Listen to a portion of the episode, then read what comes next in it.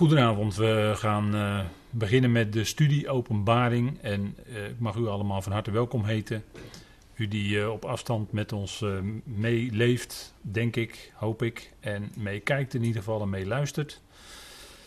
U allen welkom bij deze alweer 59ste studie van Openbaring. En we zijn bezig in Openbaring met het gericht over Babylon. En net zo zeker als uh, de stad Babylon in onze dagen herbouwd wordt, zo zeker zal ook het gericht te zijner tijd, en dan zijn er met een hoofdletter natuurlijk, komen over die stad die dan het centrum zal uitmaken van de wereldheerschappij. En waarvan uit de wereldhandel, de wereldheerschappij, uh, het geld, uh, noem alles maar op, bestuurd zal worden. En we gaan met elkaar zometeen lezen in de versen waar we gebleven zijn. Openbaring 18, een beetje zo aan het eind. En voordat we dat doen, wil ik graag eerst met u beginnen met gebed. Vader, we danken u dat we ook weer vanavond verder gaan met deze studie in openbaring. Dank u wel dat daarin uw zoon, de Jezus Christus, onthuld wordt.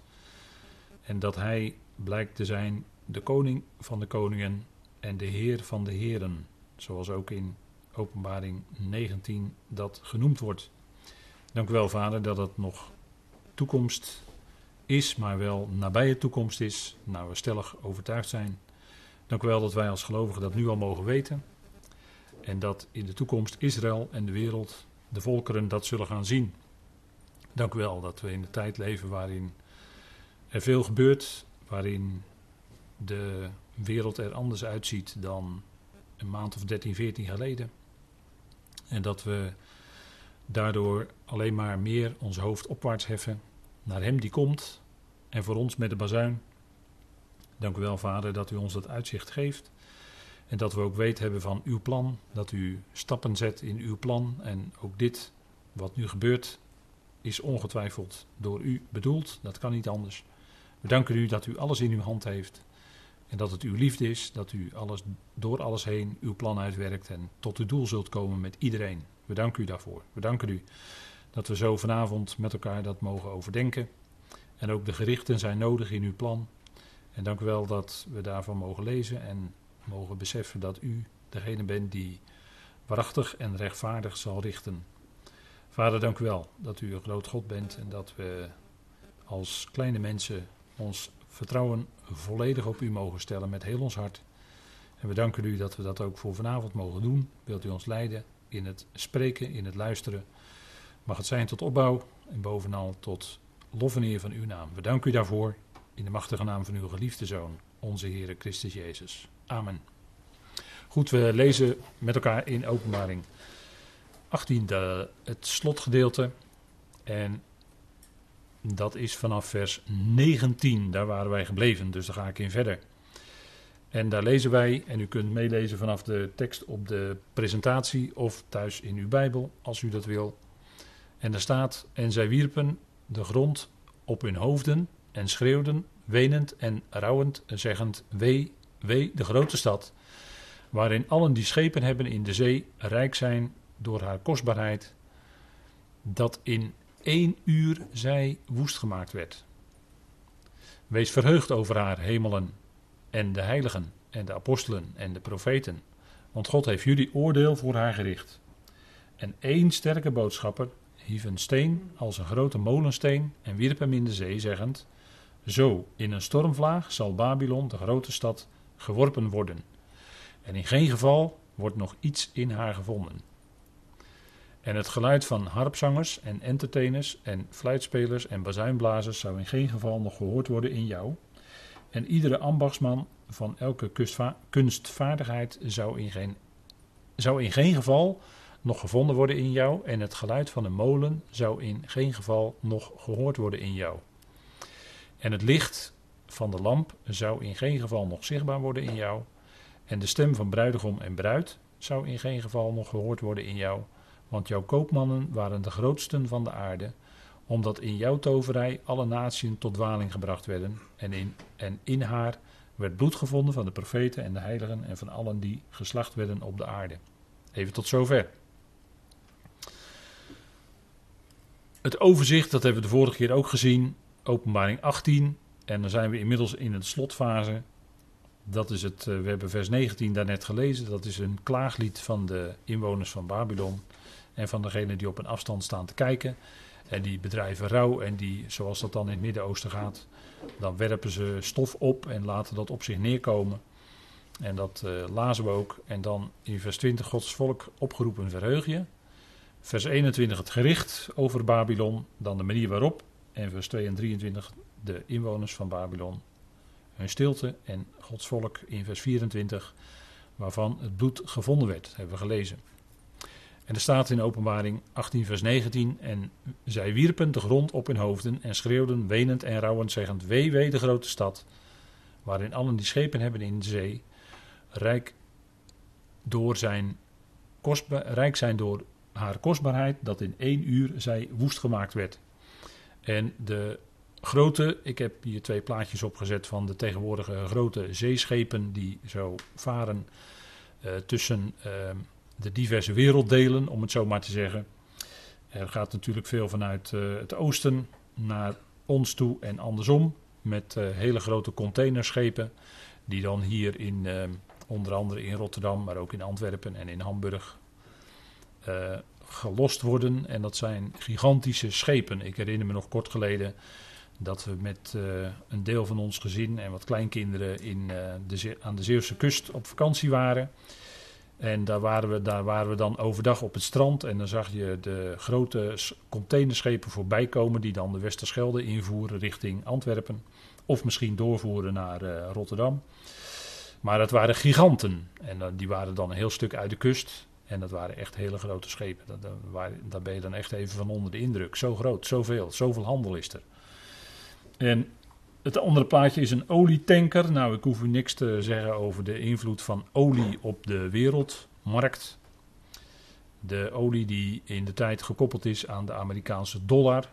En dat heeft een enorme impact gehad op de handel. En waardoor landen in het Midden-Oosten als eh, Saudi-Arabië en Irak uh, meer dan schat rijk zijn geworden.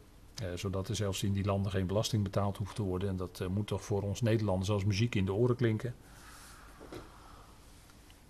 Want wij zijn gewend aan een uh, behoorlijke belastingdruk. De technische details die hier en daar, de trucs, zou ik, zomaar, zou ik het zomaar zeggen. De trucs die uitgehaald worden in het belastingstelsel zal ik u maar niet verklappen. Maar als u denkt dat u dit jaar weer netto meer loon heeft op uw maandstrookje uw saladestrookje. Vergist u zich niet, want over het hele jaar gerekend betaalt u precies evenveel belasting. Of misschien, ik denk nog meer dan vorig jaar. Maar goed, dat is een trucage van de Belastingdienst. Hè. Die geven het aan de ene kant, dan denk je dat is heel mooi. En aan de andere kant pakken ze het gewoon weer terug. Zo doen ze dat. Hè. Of ze verhogen even de onroerende zaakbelasting of wat dan ook. Eh, ik noem maar wat. Maar goed, dat is uh, economie. Hè. Zo uh, doet men dat. Maar de belastingopbrengsten, daar spreekt Paulus ook over in Romeinen 13, als het gaat om onderschik aan de overheid. En uh, daar staat ook dat zij voortdurend belasting heffen en daar ook op letten dat er voldoende binnenkomt. En uh, ja, dat wordt niet door iedereen geliefd. U weet uh, hoe weinig geliefde tollenaars waren in Israël. Want naast dat ze de gewone belastingen hieven voor de Romeinen, eh, wilden ze zichzelf ook nog er wat van verrijken. Hè. Denk aan Zacchaeus, de tollenaar. Die dat, uh, dat was zelfs een oppertollenaar, dus een uh, inspecteur van de belastingen, zeg maar, zouden we nu zeggen. En de Heer Jezus die moest juist bij hem in zijn huis zijn. Dat was toch wel opmerkelijk. Hè? En toen erkende hij ook dat hij naar de wet alles viervoudig zou vergoeden. Wat hij zichzelf bij de gewone belasting had toegeëigend. Zo gaat dat dan. Hè? Maar dat, ja, dat is aan de, in de wereld is dat overal. Hè? Uh, kijk, als je jezelf meer. Uh, je zegt ik ben belastingambtenaar. En ondertussen ben je jezelf ook nog ermee aan het verrijken. Dat noemen wij corruptie. verderf. Met een Bijbelswoord is dat verderf.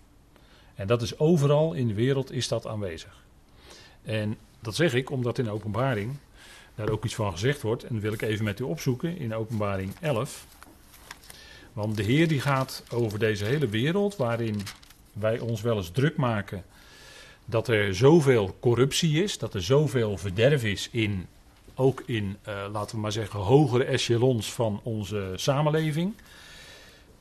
Dat is verderf. En dat verderf is overal, lijkt het wel. er zijn landen waarin je uh, kan reizen. dan uh, kijk ik wat, misschien wat meer naar het oosten, maar misschien ook wel weer naar, meer naar het westen nog. Er zijn landen waarin je kan reizen, maar dan moet je wel steeds betalen. Dan word je aangehouden door beambtes en dan moet je betalen om verder te kunnen komen. dat is, dat is uh, verdrietig, maar kijk, in, en dat is, overal is dat verderf aanwezig. En op hoog niveau is eigenlijk dat, dat verderf in de top aanwezig, hè, is, is heel groot aanwezig. En de, tekst in openbaring 18 zegt, of in openbaring, sorry, openbaring 11 vers 18 zegt, en dat is dan, um, openbaring 11 is dan een beetje het, slot van het, uh, uh, van het troongedeelte, en dan begint het tempelgedeelte, en dan zit je eigenlijk ook een beetje al aan de overgang naar de andere tijd hè, die gaat komen, want deze boze aion die culmineert nu, en daar, daar zal de wereld, hè, daar, daar merken we nu al uh, een tijdje wat van, en dat gaat de wereld nog veel meer merken, dat in de komende korte tijd die nog rest, deze boze aion zal culmineren en waarin de boze zijn heerschappij zal laten doen voelen en dan zal men ook verplicht die boze, oftewel de tegenwerker, moeten aanbidden. En in die overgang, daar spreekt openbaring 11 over, vers 18, en er staat, en de volken zijn toornig geworden, en uw verontwaardiging is gekomen, en het tijdstip voor de doden om geoordeeld te worden. En om het loon te geven aan uw dienstknechten de profeten, en aan de heiligen, en aan hen die uw naam vrezen, de kleine en de grote. Om, en dan staat er in, hier in de herziene statenvertaling, om hen te vernietigen die de aarde vernietigen. Maar eigenlijk staat hier twee keer het woord verderven om hen te verderven die de aarde verderven. En eigenlijk staat er nog een, uh, niet alleen het woord verderf, maar er staat nog een voorzetsel voor hier in het Grieks, wat het nog sterker maakt. Als ik het letterlijk zou vertalen, is het doorverderven. Dus eigenlijk, uh, als ik het met een uh, hedendaags woord zeg, door en door verrot. Ben ik dan duidelijk? Dan is het door en door verdorven. Hè? Als iets door en door verdorven is, dan is het helemaal rot. En dat is wat aan de hand is in deze wereld, waarin zoveel verderf is, waarin zoveel, zeggen wij, corruptie is, hè, met ons woord. Maar dat, is, dat zit in, in, in alle, alle lagen, zit dat, ook in bestuurslagen en vooral in de top. En dan bedoel ik de wereldtop. Daar zit het vooral. En daar zal, dat zegt Openbaring 11, vers 18, daarom lees ik dat. Daar zal de Heer een einde aan maken. Hij zegt: Ik zal degene die de aarde verderven, en dat gebeurt vandaag nog steeds, en dat doet zich steeds sterker voelen, die druk wordt steeds groter van bovenaf. Maar de Heer zal diegenen die dat doen verderven. En dat betekent in feite, uh, ja, bij, de, het resultaat is dat ze buiten werking gesteld worden. Dat het systeem zal blijken en dat de Heer op op zijn manier, en dat hebben we ook over gelezen in openbaring 17 en 18 inmiddels, zal de Heer daar op zijn manier door middel van die volkeren een einde maken.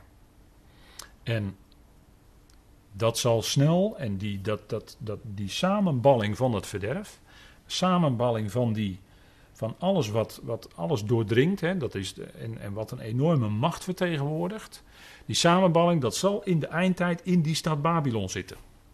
Die op dit moment nogmaals sterk wordt uitgebouwd door de Chinezen.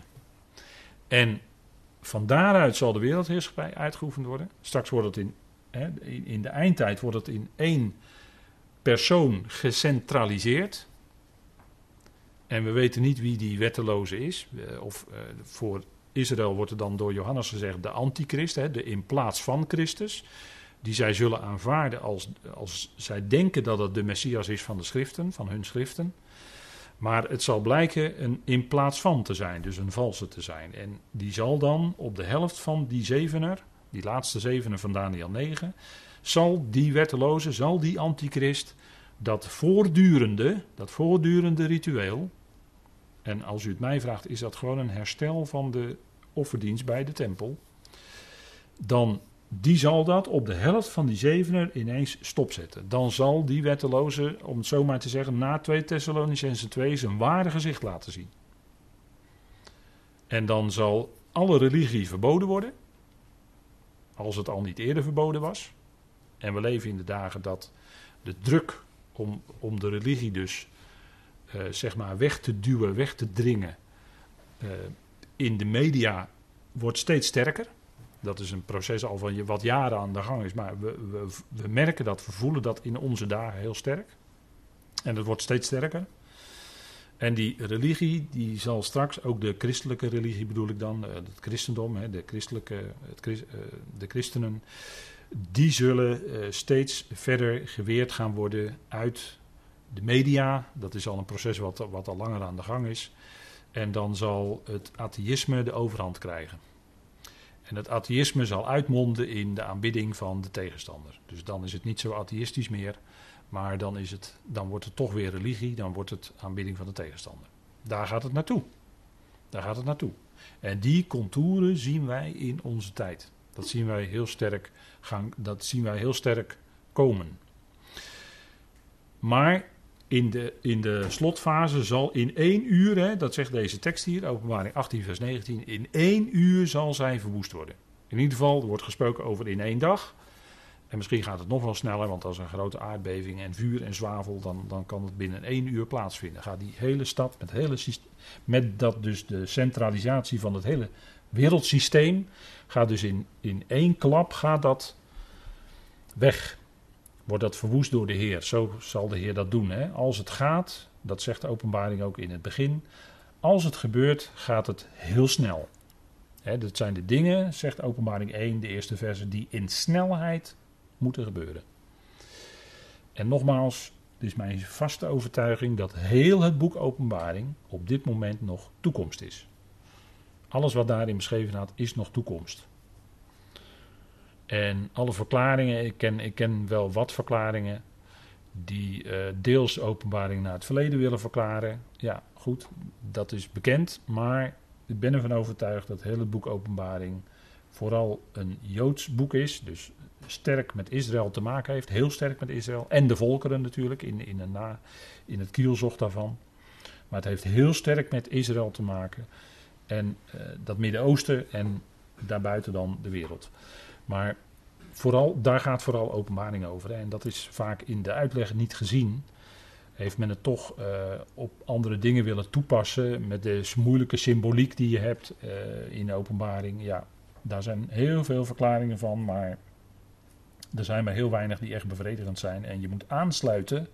Je moet aansluiten bij de profetieën van Tenach. En dat doet openbaring. Dat heb ik u geprobeerd te laten zien aan de hand van Jezaja en Jeremia met name, wat daarin over Babylon gezegd wordt. En dat het heel sterk op elkaar aansluit. Hè? Dus dat het uh, openbaring eigenlijk uitlopers zijn van Tenach. Goed, we gaan even verder naar vers 20. En er staat: Wees verheugd over haar, hemel en, de, hemel en de heiligen en de apostelen en de profeten, want God heeft jullie gericht, over haar gericht. En haar is dan Babylon. En dan zegt hij: Wees verheugd, want eindelijk is dat gericht gekomen aan de, om het zo maar te zeggen, de kleeft in de eindtijd zal blijken dat, en het zal ook gaan gebeuren, dat er heel veel bloed kleeft aan de handen van Babylon. En het wordt ook toegerekend aan Babylon. En dat is een manier, zoals God dat dan dat gericht uitvoert, dan laat hij dat als het ware in één keer daarbij uitkomen. En dat doet de Heer Jezus ook, maar dat zullen we gaan zien. De martelaars, hè, aan wie moet u dan denken? De heiligen apostelen en profeten, aan wie moet u dan denken? Nou, dat zijn bijvoorbeeld die martelaars die we in openbaring 6 hebben gezien, bij, uh, wat is het, het vijfde of het zesde zegel. De zielen onder het altaar, hè, dat zijn de martelaren die omkomen in de grote verdrukking, want zij willen niet buigen voor het beest of het beeld van het beest, ze willen dat niet aanbidden en daarom worden zij gedood. Zo zal het zijn in de eindtijd. Hè. Ieder die niet wil aanbidden, die zal gedood worden. Het zij direct door het zwaard of door. Uh, ja, door, door, door. Laat maar zeggen, door het zwaard. of doordat men niet meer kan kopen of verkopen. Openbaring 13 spreekt erover dat ieder die het, uh, die het embleem van het beest niet op zijn rechterhand of op het voorhoofd heeft, die zal niet kunnen kopen of verkopen. En dat, was, dat leek lange tijd in de uitleg heel moeilijk te verklaren. Maar in onze dagen is het ineens heel makkelijk verklaarbaar. Als wij zien hoe uh, groot de invloed is van wat men dan noemt big tech, hè? dus de grote technologie die we hebben en die alles uh, tegenwoordig in feite beheerst. Hè? Iedere, er zijn, uh, er wordt, eigenlijk wordt alles geregeld van achter beeldschermen via computers. Dan is dat allemaal mogelijk om mensen dus uit te sluiten van kopen en verkopen. Dus die hele uh, infrastructuur, zeg maar, om openbaring 13 werkelijkheid te doen worden, is aanwezig. Dat kan zomaar gebeuren. En um, ik weet niet of u de film kent over uh, Snowden. Ik weet niet of u weet wie Snowden is. Maar Snowden was iemand die heeft gewerkt bij de Amerikaanse inlichtingendiensten intern. En die, heeft daar, die is daar weggegaan. Maar die had wat uh, gekopieerd en wat, die heeft dingen naar buiten gebracht. En daarom willen ze dat die uitgeleverd wordt aan Amerika. die heeft dingen naar buiten gebracht. En daar is een film van gemaakt. En uh, dat is een film uh, van uh, Oliver Stone, die ook de film over John F. Kennedy, moord op John F. Kennedy heeft gemaakt, JFK, dat is een bekende. Maar diezelfde regisseur, die heeft de film Snowden gemaakt. En mij viel iets op, in die film werd gezegd door de acteur die Snowden speelde, dat als ze dit op een rij zetten, wat ze toen al konden, en dan praten we dus over de periode voor, 19, sorry, voor 2014 dus, uh, want hij is in 2013, 14 is hij uh, gevlucht. Wat ze toen al konden, en uh, toen, zei die, toen liet Oliver Stone hem in die documentaire zeggen. Um, één, twee stappen verder en het is de verkeer, en, iemand die verkeerde bedoelingen heeft, die kan in één keer dit gebruiken om de wereldwijde tirannie uit te oefenen. Dat woord werd gebruikt, tirannie. Dat viel mij op in die film. En ik denk dat dat niet zomaar in die film verpakt zat. En als u die film kunt kijken dan, en u bent daarin geïnteresseerd, dan zou ik u die toch aanraden, omdat u dan toch een idee heeft wat men allemaal tegenwoordig kan. En wat men, eh, als men wil, dan kan men eigenlijk alles uh, uit uw privégegevens halen wat men wil. Alles. Maar dan bedoel ik ook letterlijk alles. In die wereld leven we. En dat betekent dus dat, uh, dat zeg ik in het kader van openbaring 13, uh, eh, dat betekent dus dat we naar de tijd toe gaan waarin openbaring 13 vervuld gaat worden. En ik ben ervan overtuigd dat zolang wij als gemeenteleden hier op aarde zijn, die tijd nog niet komt. Die kan pas komen, de wetteloze, zegt Paulus, kan zich pas onthullen, 2 Thessalonicense 2, als de weerhouder is weggenomen. Het is mijn stellige overtuiging dat de weerhouder de gemeente is, het lichaam van Christus. Dus eerst moeten wij weg zijn en pas dan kan de wetteloze zich onthullen. Als wetteloze. En of wij in onze tijd mogelijk die figuur kunnen herkennen, ik weet het niet. Soms denk je het, zou die het kunnen zijn of zou die het kunnen zijn. Maar goed, we weten het niet. We gaan het zien. Maar dan zullen er in die tijd zullen er heel veel omgebracht worden, omdat zij dus dat beest niet willen aanbidden. En dat zijn de martelaren en dat zijn de zielen onder het altaar, hè, waarvan het bloed roept. Dat is natuurlijk beeldspraak, dat hebben we toen ook gezien, dat is beeldspraak. Waarvan het bloed roept tot de aarde, tot God om vergelding. En dan staat er nog een kleine tijd, hè, dus nog een kleine tijd wordt er dan gezegd, in, als je openbaring 6 vers 9 tot 11 leest dan wordt er eigenlijk tegen die martelaren gezegd: nog een kleine tijd en dan zal hij komen. En als we kijken bijvoorbeeld in Lucas 18, wat er ook direct mee te maken heeft, laten we even met elkaar opzoeken. Lucas 18.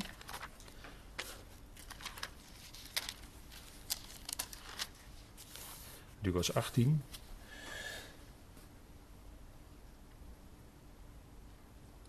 Vers 7 en 8. Dat gaat dan over die onrechtvaardige rechter. Maar het gaat even om het punt dat uh, dit betrekking ook heeft op de martelaren van de grote verdrukking. Zal God dan geen recht doen aan zijn uitverkorenen, die dag en nacht tot hem roepen? Vraagteken. En hij is geduldig over hen. Dus God zal recht gaan doen aan degenen die tot hem roepen. En in openbaring 6 gaat het om het bloed dat roept vanaf de aardbodem. Om vergelding. En in verband hiermee kun je dit lezen. Zal God dan geen recht doen aan zijn uitverkorenen die dag en nacht tot hem roepen? En hij is geduldig over hen. En ik zeg u, vers 8, dat hij hun met spoed recht zal doen. Dat wil zeggen, dat woord spoed is ook weer snel. Dat hij hun, als het gebeurt, zal hij snel recht doen. Zal hij snel het gericht brengen. Maar zal de zoon des mensen, als hij komt, wel het geloof op de aarde vinden. Dus als hij zijn voeten gaat zetten op de olijfberg, in zijn wederkomst voor Israël en de volkeren, zal hij dan nog het geloof vinden? Zo weinig geloof zal er dan nog zijn, kennelijk. Anders zou die vraag niet gesteld worden. Dus dat geloof zal heel ver teruggedrongen worden. Er zullen er nog wel zijn, een gelovig overblijfsel. Maar relatief op de hele wereldbevolking zullen er dan nog maar weinig gelovigen zijn. Vandaar die vraag hier Lucas 18. Hè? En als hij dus komt, zal hij dat gericht oefenen. Kijk, als we even teruggaan naar openbaring 18 vers 20, de tekst waar we mee bezig zijn. Wees verheugd over haar, hemelen en heiligen en apostelen. De hemel wijst natuurlijk op de hemelsen, zij die de hemel bewonen. En in openbaring 4 en 5 hebben we daar ook een inkijkje in gekregen. Dat daar 24 oudsten zijn en vier dieren enzovoort. Hè. En eh, heel veel rondom de troon enzovoort. Heel veel boodschappers. Goed, gaat om hemelsen. Die worden hier opgeroepen om zich te verheugen. Want het gericht gaat of is plaatsgevonden. De heiligen, dat is Israël natuurlijk. In het verband met openbaring, als je dan leest over heiligen, dan gaat dat over Israël en niet over ons. Apostelen, heeft natuurlijk ook met Israël te maken. Een apostel is een afgevaardigde en heeft te maken met Israël. Profeten heeft natuurlijk ook te maken met Israël. Apostelen en profeten, dat tuurlijk. Zaak die met Israël te maken heeft. Sprekers van Gods woord. Leggen we daarnaast, zoeken we op, hebben we al gelezen, maar ik wil het in kader nog even laten zien. Jeremia 51, vers 48. Dat is in eerdere studies behandeld, dus we lezen het nu alleen. Maar ik wil toch met u lezen nu om het ernaast te leggen. Zodat u kunt zien dat in openbaring dezelfde bewoordingen worden gebruikt als in de profeten. Openbaring 51, vers 48. En er staat: Hemel en aarde en al wat erin is, zullen juichen over Babel. Want vanuit het noorden zullen de verwoesters erop afkomen, spreekt de Heer. Zoals Babel is geweest tot een val voor de dodelijk gewonden van Israël, zo zullen in Babel de dodelijk gewonden van heel de aarde vallen. U ziet dat, ik heb u toen gewezen op het wederkerigheidsprincipe. Dat wil zeggen dat Babel zorgt ervoor dat er velen gedood zullen worden. In de grote verdrukking bijvoorbeeld. Maar andersom zullen in Babel zelf ook velen gedood worden. Er komen als het ware dat op hun eigen hoofd weer terug, hè, dat gericht. En u ziet dat hier in, ook in Jeremia dezelfde woorden worden gebruikt als in Openbaring 18, vers 20. Hemel en aarde, wat erin zullen juichen. Nou, dat is hetzelfde als verheug u, hemelen en aarde. Dus u ziet het, één op één. Hè? En dat is ook een reden om zich te verheugen, want eindelijk is dan een einde gekomen aan dat wetteloze systeem, wat wel gehand, waarin wel heel strenge wet en regel gehanteerd zal worden, maar in feite is het een wetteloos systeem in de grond van de zaak. Maar daar zal dan een einde aan komen en dan worden ze opgeroepen om zich daarover te verheugen. En dan wordt er een beeld gebruikt in de volgende tekst. En één sterke boodschapper hief een steen als een grote molensteen en wierp die in de zee, zeggend. En dat is natuurlijk een beeld En een grote molensteen, dan uh, moet u denken aan die grote stenen in molens waar graan, tarwe enzovoort tussen gemalen wordt. En dat is natuurlijk het beeld wat met Babel zal gebeuren. Ze zal, Babel als stad zal verdwijnen. Net zoals een grote steen, een molensteen, als je die in de zee gooit, dan zakt die als een baksteen inderdaad naar de bodem en die kun je niet meer naar boven halen. Nou, zo zal ook de ondergang van Babel zijn. Dat is het beeld wat hier wordt gebruikt. Hè. En dit soort beelden wordt natuurlijk vaker in profetie gebruikt. Hè. Als je nacht kent, dan zijn dit soort, is dit soort beeld helemaal niet onbekend. Maar het is een sterke boodschapper, let op hè. Sterke boodschapper als vertegenwoordiger van die sterke God. Die een einde maakt aan die totale wereldmacht die dan uitgeoefend wordt. En in één keer zal het voorbij zijn. Eigenlijk toch wel een mooi beeld dat het zo definitief verwoest gaat worden. Hè? En dan zegt het vers ook: Zo in een stormvlaag zal Babylon, de grote stad, geworpen worden. En in geen geval wordt nog iets in haar gevonden. U ziet hier een plaatje van een tornado. Er zijn mensen die speciaal naar Amerika gaan. Nou ja, dat wordt tegenwoordig wel wat moeilijker natuurlijk met de huidige situatie. Maar in, in het recente verleden gingen mensen eh, speciaal naar Amerika om op tornado's te jagen. Die vonden dat dan spannend en mooi om te zien. Het is ook wel een fascinerend natuurverschijnsel. Maar je moet er niet in terechtkomen, want het kan een alles verwoestende kracht hebben. Zo'n grote tornado of een wervelstorm. En in zo'n stormvlaag, he, dat is dan ook weer een beeldspraak natuurlijk, zal Babel, Babylon, de grote stad, geworpen worden. En let u, ik heb hier gecursiveerd gezegd, gezet. In geen geval nog. Dat is een hele sterke ontkennende uitdrukking in het Grieks. En die wordt hier in vers 223 maar liefst zes keer gebruikt. Terwijl in de rest van de Griekse schrift het betrekkelijk niet vaak voorkomt. Misschien nog één of twee keer buiten deze tekst in openbaring. Dus het is een hele sterke uitdrukking. In geen geval nog. Wordt steeds herhaald. Hè? En dan is een, als het steeds herhaald wordt, is het een vorm van beeldspraak, omdat dat daar dus zwaar de nadruk op ligt. En de ontkenning is ook heel erg sterk in het Grieks. Dus daar ligt ontzettend zwaar de nadruk op. Dus dat Babylon gaat verwoest worden. En in geen geval zal het nog terugkeren. En als God dat dan hier maar liefst zes keer zegt. Nou, dan kunt u erop rekenen dat het ook echt niet meer terug gaat keren. Hè? Want zo sterk zulke sterke uitdrukkingen worden maar zelden gebruikt. En we lezen dat, en we lezen dat ook in Jeremia 51. En dat is dan een tekst die we toch weer heel even naast leggen. Want het is uh, goed, zoals u weet, om schrift met schrift te vergelijken. En dan zie je dat de schrift ook zichzelf toelicht en zichzelf uitlegt. Uh, vers 63 en 64 van Jeremia 51. En daar staat: dan zal het gebeuren, zodra u het voorlezen van deze boekrol beëindigt, dat u daaraan een steen zult binden en hem midden in de uivraat zult werpen. Dan moet u zeggen: Zo zal Babel wegzinken en niet bovenkomen vanwege het kwaad dat ik erover brengen zal. En zij zullen afgemat zijn. Ziet u dat hier hetzelfde beeld wordt gebruikt in Jeremia over Babel dan als wat we in Openbaring 18 lezen? over die steen die in de rivier wordt, die in, de, die in de zee wordt gegooid. Nou, hier dan in de Uifraat. Hè, dat ligt natuurlijk, daar ligt Babel natuurlijk aan. Dat is natuurlijk een heel sterk beeld. En we komen dat dus al tegen in Jeremia 51. En dat wordt in openbaring eigenlijk gewoon herhaald, hè, dat beeld. Dus Johannes sluit dan gewoon aan bij Jeremia. En uh, ja, dat, daar zie je dat heel duidelijk de uitlopers zijn van profetieën. Dus beslist niet meer, of beslist niet langer, zo zou je het ook misschien kunnen vertalen, om de sterkte van die uitdrukking aan te geven. Babylon zal verwoest worden en het zal niet meer terugkomen. En dan zien we nog een andere eigenaardigheid, want hier wordt in eh, dit vers wordt gezegd: Babylon, de grote stad. En er wordt het woord groot gebruikt. En het is eigenaardig dat het woord groot in openbaring heel regelmatig gebruikt wordt.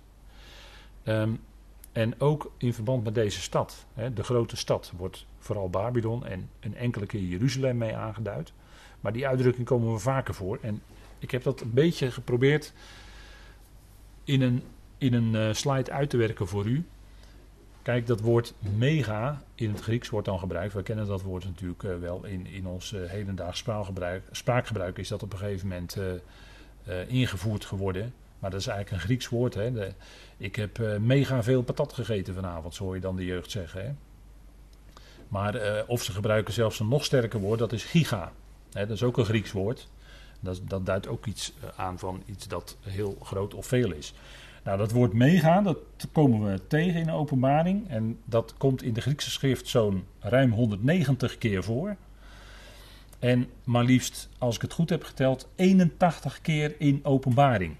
Dus dat wil wel wat zeggen dat in openbaring het woord groot vaak voorkomt. En als je daarover nadenkt, dan misschien kun je dan een conclusie trekken dat dat wat in openbaring allemaal beschreven wordt, dat is dus de, de, de, de eindfase van deze boze aion, uh, dat die dingen die er allemaal in gebeuren, dat het iets groots is. Dat, dat de dingen die plaatsvinden, dat het, dat het iets groots is in Gods plan, uh, iets indrukwekkends. En, dat, en als we Gods plan kennen, dan is dat ook zo, want er zijn dan drie ionen, drie tijdperken geweest lange, eh, meer of minder lang, maar waarin het kwaad een zekere rol speelde. En zeker in deze boze aion speelt het kwaad een, uh, speelt een hele grote rol, heel belangrijk. Heel belangrijk. Heel, heel veel kwaad is er in deze aion. En daar wordt een einde aan gemaakt. Dat kwaad zal heel erg sterk teruggedrongen worden. En het zal in de komende aion, in de komende duizend jaar, zal dat heel sterk teruggedrongen zijn. En zal aan het einde, in openbaring 20 gaan we dat nog zien. Aan het einde komt er nog een hele korte periode waarin dat nog eens opkomt. Maar dat heeft te maken met dat die tegenstander dan nog voor korte tijd uit de abussels wordt losgelaten. En dan zal dat kwaad op aarde weer tijdelijk heel snel gaan toenemen en zal men weer optrekken. En dan wordt het definitief allemaal uitgeschakeld. En in deze boze aion, daarin speelt het kwaad dus een grote rol, maar dat wordt, en dat komt tot een culminering in onze tijd, in onze dagen, daar zitten we heel dicht tegenaan. Maar er gaat ook een einde aan gemaakt worden. En ik denk dat, omdat dat allemaal in openbaring beschreven wordt, dat daarom het woord groot in openbaring vaak gebruikt wordt. Dus ik, daarom besteed ik er toch even wat meer aandacht aan op dit moment. Um, ehm, 17 keer wordt gesproken over een grote stem, bijvoorbeeld. Dit is niet alle, alles hoor, wat, uh, maar ik heb een aantal, uh, denk ik, toch wat significante uh, aspecten eruit voor u uit willen lichten. Een grote stad wordt maar liefst 14 keer genoemd, de grote stad. Dat is het zij Jeruzalem, het zij Babylon. En de meeste keren wordt dat gebruikt voor Babylon. Dus dat is iets groots in de eindtijd. Hè? Dan twee keer wordt de uitdrukking grote verdrukking gebruikt. Nou, dat, dat kennen wij ook uit uh, andere schriftgedeelten.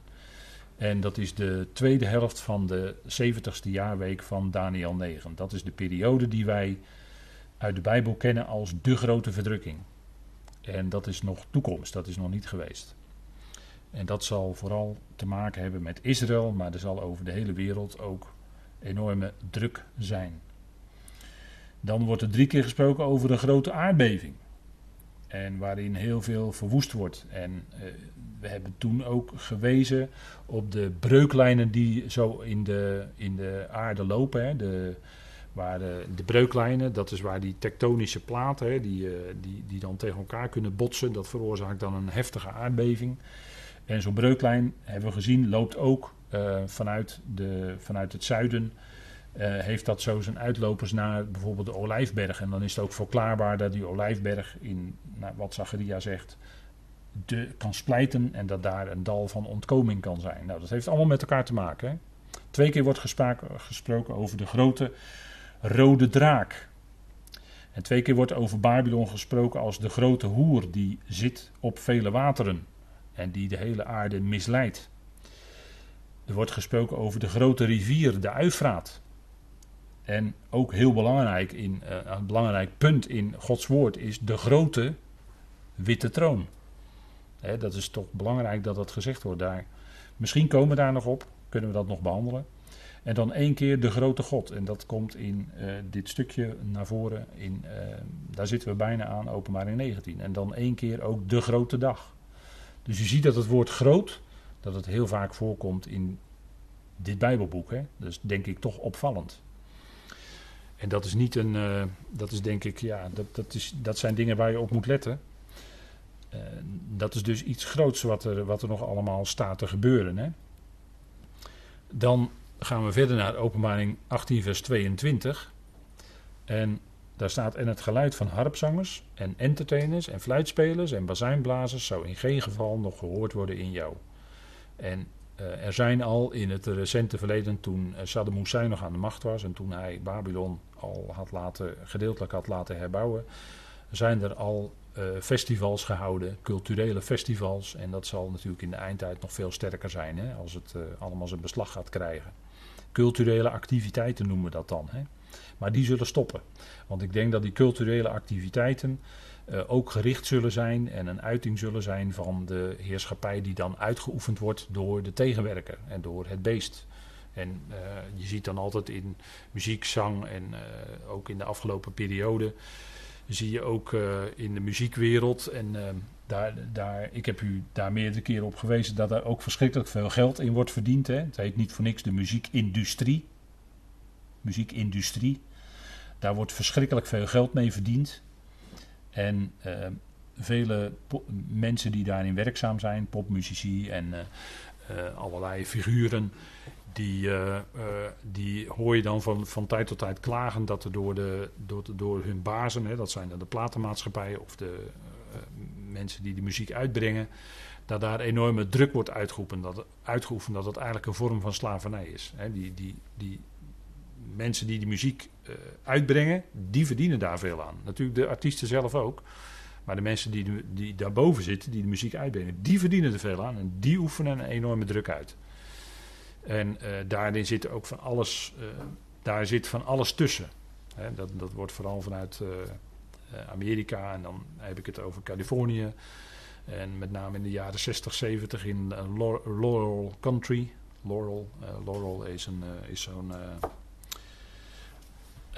overwinningskrans, maar dat heet, uh, als ik het goed zeg, Laurel, Laurel Country. Daar heeft iets mee te maken. En daar zat een kern waar heel veel beroemde artiesten, en daar is ook heel veel geld gemaakt. En daar, nou goed, ik, uh, ik ga niet te diep in op de achtergronden daarvan, maar daar zit heel wat achter.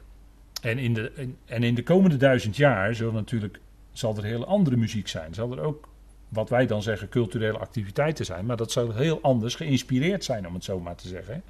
Dan moet u denken aan de psalmen dan moet u, dat die gezongen worden. Hè, dat er vanuit Israël eh, heel veel uit zal gaan. En uh, uh, muziek, psalmen, zang, tot lof en eer van God, tot lof en eer van Yahweh, van de God van Israël. Zo zal het in de komende duizend jaar zijn. Dat zal ook een shalom zijn voor de wereld. Hè. Die zal, de wereld zal dan tot rust komen. Hè, van die angstwekkende dictatuur die uitgeoefend is. En zo zal er een enorme bevrijding, en dat zal natuurlijk geweldig gaan klinken in de dus als je het op die manier kun je de psalmen ook lezen. dat is uh, denk ik uh, fijn om uh, alles wat adem heeft, denk ik dan aan. Hè, Psalm 150. Alles wat adem heeft, loven de Heer. Nou, ik denk dat dat het beste is wat een mens kan doen. Als je adem hebt, wat kan je dan het beste doen? Nou, de Heer loven, denk ik. Dat, dat is toch wel erg fijn, denk ik. Dan ambacht en kunstvaardigheid. En iedere ambachtsman van elke kunstvaardigheid zou in geen geval nog gehoord worden in jou. Of gevonden worden. Sorry, ik heb het hier uh, het woord gehoord gezet, maar dat is niet juist. Dat is gevonden. Zal nog gevonden worden in jou. Ambacht en kunstvaardigheid. En je ziet ook in ambachten en kunstuitingen, zie je ook uh, uitingen van de cultuur, uitingen van wat gaande is. En uh, dat zal die ambacht en die kunst die daar uitgeoefend wordt, die zal verdwijnen. En ik denk als je weet wat daar komen gaat, dat is maar goed ook. En dan tot slot, en dan gaan we pauzeren. En het geluid van een molensteen zou in geen geval nog gehoord worden in jou. Dus hier ziet u een molensteen met graan erop en het moet gemalen worden. En dan kan je dat gaan toepassen en ermee gaan bakken. En als je goed brood wil bakken heb je ook uh, zuurdesem nodig. Nou heeft zuurdesem in de schrift niet zo'n positieve werking. Maar uh, is heel eigenaardigs. Je begint met een heel klein klompje. En dat kun je als het ware in leven houden. En dat kun je gewoon jarenlang blijven doen. Dat kun je steeds weer opnieuw als het ware opkweken. dat gebeurt eh, bij ons in huis door Liesbeth gebeurt dat. En dat is heel lekker brood maakt ze. Ik geniet daar elke dag van. Maar dat, uh, daar heb je zuurdesem voor nodig in deze tijd. En uh, dat is, uh, ja, in de schrift heeft dat geen positief, is dat niet iets positiefs. En waarom is dat? Dat is omdat zuurdesem, ehm, zuurdesem dat moet groeien. Hè? Zuurdesem moet niet een klein klompje blijven, maar dat moet steeds meer worden.